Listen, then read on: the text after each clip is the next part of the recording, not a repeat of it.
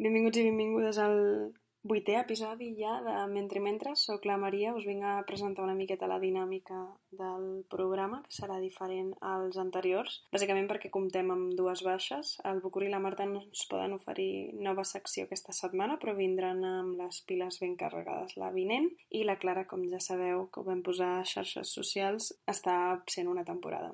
Aleshores, el programa que us proposem avui és l'habitual amb les seccions del Bernat i la Berta, però aquesta vegada també em tindreu, em tindreu aquí parlant un rato.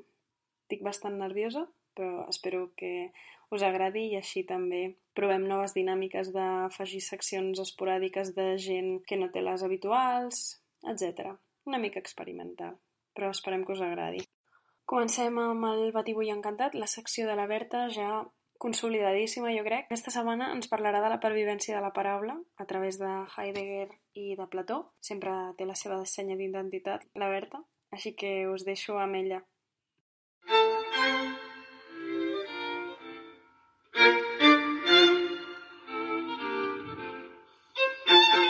Benvinguts a Batibull Encantat.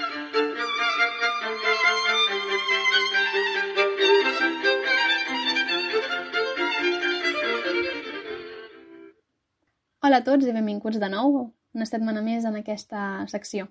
En aquest context de pandèmia mundial, el contacte físic no existeix. Ha desaparegut. I tot i el vertigen que segurament us provoca a tots de vosaltres i que a mi personalment també m'ho provoca no? i m'implica, aquesta futura anormalitat, no ens enganyem, um, doncs en aquest context només ens queden les paraules. De fet, aquesta afirmació la vaig fer fa uns dies quan diria que parlava sobre la veritat. Però aquesta vegada vull parlar específicament de la llengua, o més ben dit de la paraula com a tal. Ara mateix només podem tocar-nos amb les paraules, i tot i que aparentment això pugui semblar una bogeria, no ho és tant, feu-me cas. I avui m'agradaria doncs, desglossar aquesta idea.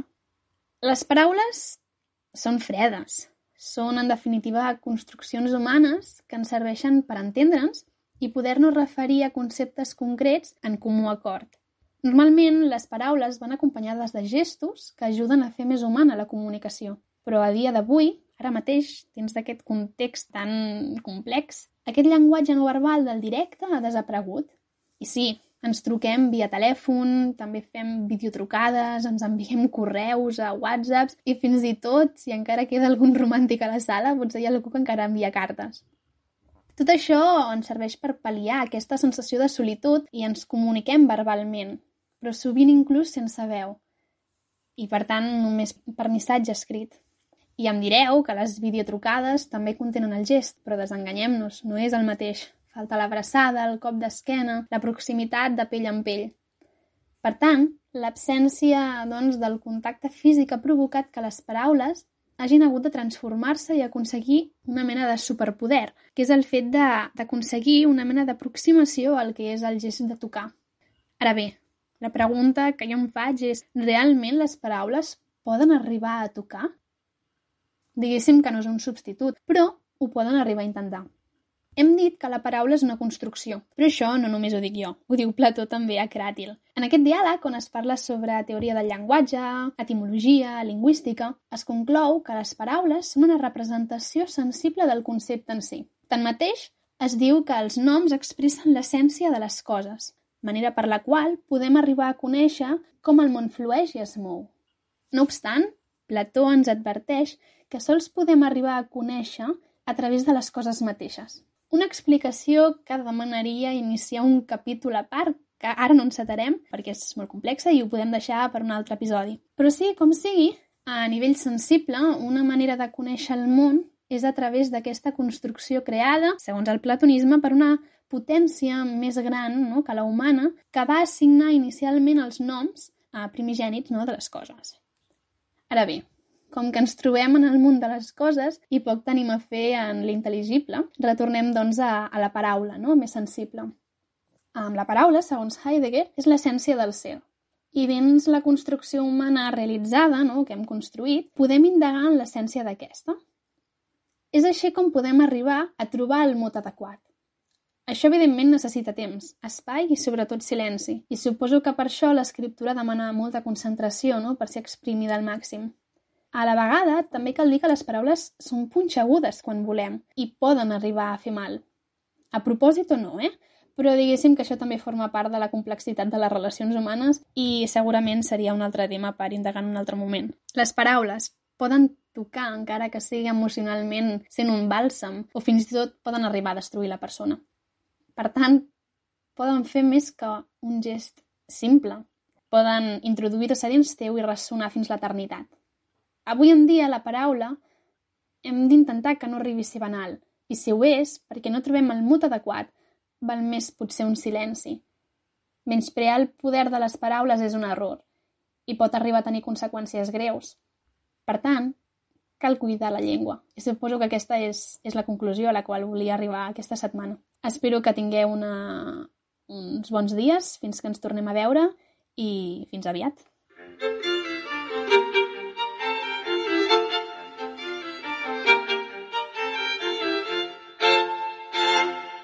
Bé, hola, em presento a mi mateixa. Aquesta secció serà una mica de tot i una mica de res. La Berta em va proposar fer una secció pròpia, vaig decidir tirar-ho endavant, però no sabia ben bé um, què fer o de què parlar. Així que m'he decidit per un dels meus llibres preferits, que contra tot pronòstic i contra la gent que em pugui conèixer no és un llibre de Murakami, perquè em dosificaré i no, intentaré no ser gaire monotemàtica. I us parlaré d'un llibre que em vaig llegir al desembre, gràcies a la recomanació d'un profe meravellós de la Pompeu, que és La revolució de les flaners d'Anna Maria Iglesia, està editat per Wunderkammer i és una obra excel·lentíssima per la gent que li pugui interessar el tema de la flaneria de Baudelaire, el, el París dels salons i el feminisme, perquè parla de, de les dones que estaven reduïdes a espais domèstics i que no podien transitar la ciutat com una passejant, sinó que eren més objecte d'observació que d'acció, no? Aleshores, eh, volia que aquesta secció fos una mica variada, que fos recomanar una lectura que pot agradar a un públic bastant ampli, jo crec, i reflexionar sobre passatges que vaig subratllar quan la vaig llegir, que jo crec que són perfectament extrapolables al, al nostre dia en confinament, no? I aleshores el, el primer punt de, del que volia parlar és, és de Baudelaire, autor de la, del pintor de la vida moderna, probablement una de les figures fonamentals en la comprensió de l'època moderna, però més enllà de l'art, en, en el diàleg entre totes les arts, perquè és fonamental per entendre tant la història com la filosofia com la literatura i l'art de l'època, no? I mm, el tema de la flaneria era un tema masculí, estrictament de, de classe alta, que no tothom es podia permetre i Baudelaire, al llibre d'Anna Maria Iglesia, ella fa referència a un text de l'autor francès en el que diu que el flaner és aquel que admira la eterna belleza y la sorprendente armonía de la vida en las capitales, armonía tan providencialmente mantenida en el tumulto de la libertad humana. I és aquesta llibertat humana que ara s'ha suprimit totalment d'aquesta llibertat de trànsit que teníem i estàvem molts acostumats a, abans del confinament, no? Que ja no és un tema estrictament masculí, però jo crec que es podria reflexionar i es podria arribar a la conclusió de que és un tema quasi necessari i vital per, per totes les persones en etapa contemporània. El, el fer-se trànsit, que no és caminar de A a B, sinó que és crear-se la seva pròpia persona en el mer trànsit de A a B, sense importar on arribes, perquè al final Baudelaire no parlava de caminar pels carrers, era fer-se als carrers, era deambular pels carrers sense rumb, i en aquest deambular es trobava la, la creació de l'ésser modern com a tal, no? Crec que un dels aspectes més interessants d'aquest llibre i personalment de les coses que més em va agradar és que construeix un relat propi mitjançant opinions pro procedents de diversos àmbits, que no només cita a Baudelaire, que evidentment s'ha de citar Baudelaire en mencionar la figura del flaner, sinó que també cita teòrics de l'estètica, o sigui, grans noms de l'estètica com són Georg Simmel, o també crítics d'art com és Valeriano Bozal, que és el que introdueix la presència de Hopper en el llibre d'Anna Maria Iglesia i s'introdueix en el marc d'aquesta secció. I és que Valeriano Bozal dirà que moltes vegades s'ha dit que Hopper és el, és el pintor de, de la soledat en vida moderna, però tècnicament no hi ha aquesta soledat física, sinó que Hopper està retratant, més enllà de la soledat física, la soledat de l'aïllament, de la incomunicació. I això ho extrapola de manera superinteressant Ana Maria Iglesia a les dones que com hem dit abans, no tenien aquesta llibertat de trànsit, sinó que se les reduiria a espais específics com l'esfera domèstica, però també una part molt interessant del llibre és que parlarà dels centres comercials, de com són espais de trànsit dissenyats per les dones, pel consum, per, per al fer-se elles mateixes, però no fer-se elles mateixes de manera espiritual, com es feia Baudelaire, sinó fer-se elles mateixes a mode físic, perquè siguin vistes per aquests flaners, no? I crec que és interessant acabar aquesta secció amb la frase que hi ha a la contraportada del llibre de, la Maria Iglesia, que és Necesitamos volver a ser flaners, debemos seguir siendo paseantes incómodas i és aquesta reivindicació de, de no, no reduir els espais eh, per on transiten les dones a espais d'oci com els centres comercials que contribueixen a, a la seva configuració com a passejants, però com a passejants més físiques, superficials, de què es fan veure i que són objecte de, de, de la mirada dels flaners masculins.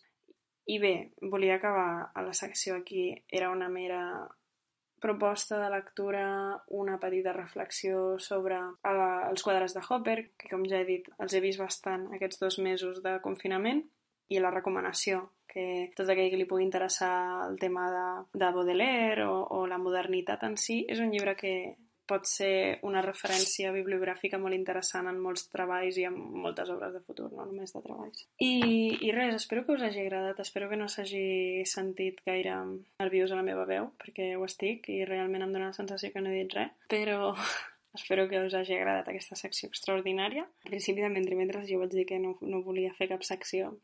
Ja veurem on ens porten les coses. espero que hagueu gaudit. I res, em despedeixo, així que fins la propera. El Bernat aquesta setmana recupera la Terra, deixa enrere Pierpaolo Pasolini en l'episodi 7, que si el voleu recuperar sempre està al perfil. És un episodi on parlem bastant de la cultura italiana. I aquesta setmana ens farà una, una breu lectura de fragments de Víctor Català, d'una de les últimes edicions que ha publicat Club Editor. Així que us deixo amb ell. En Ricardet sentí un nuament de cor. Ni tan sols tingué de preguntar de què es tractava. Prou que n'havia sentit parlar, d'aquelles expedicions anyals a la mare Balena, i de les meravelles que aquesta atresorava en son si. Sempre que ell feia referència als bancs de vellut, als miralls, als nombrosos calendaris que esmaltaven les parets i que donaven magnificència a son cafè estat, sortien a relluir les meravelles de la mare Balena. Què eren els encoixinats que els miralls, que els calendaris, comprats amb els llongans i les llagostes que corrien per aquelles roques amb les molses de tots colors que catifaven la copa petita, amb les pedres com de vidre volador que penjaven del sostre i de sobretot amb la serena, aquella serena esparvedora que per anys havia vista tal i tal avi de la vila que era una mena d'escorpra grossa, grossa com el campanar, amb els ulls de guspires, les ganyes vermelles com coral i les escates de plata. Aquella serena que d'un revés de cua girava els llaguts com si fossin cloves de nou i s'enduria els homes a sota aigua, on, si no li donaven cent unces d'or, o el fill més petit que tenien, els encantava fent-los tornar per sempre, botes marines o mates d'alguer. I doncs, què es pensava el presumit? No hi havia res al món, ni a Barcelona, com la mare Balena.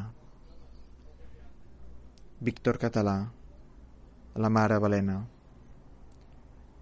Aquest text, que forma part del segon volum que ha publicat el Club Editor dels contes de Víctor Català, en els quals hi ha Contrallums i la Mare Balena, dins de Mare Balena, el primer conte amb aquest mateix títol que porta, ens explica la història del Ricardet, un nen que neix a Barcelona, en la qual coneixem que els seus pares treballen en el dia a dia d'un bar i després coneixem com amb la malaltia del pare s'han de mudar a un poble, un poble que identifiquem perquè la Mare Balena és el nom d'un illot situat prop de, de la costa, en el qual els nois, com acabarà fent el Ricardet, hi van durant l'estiu.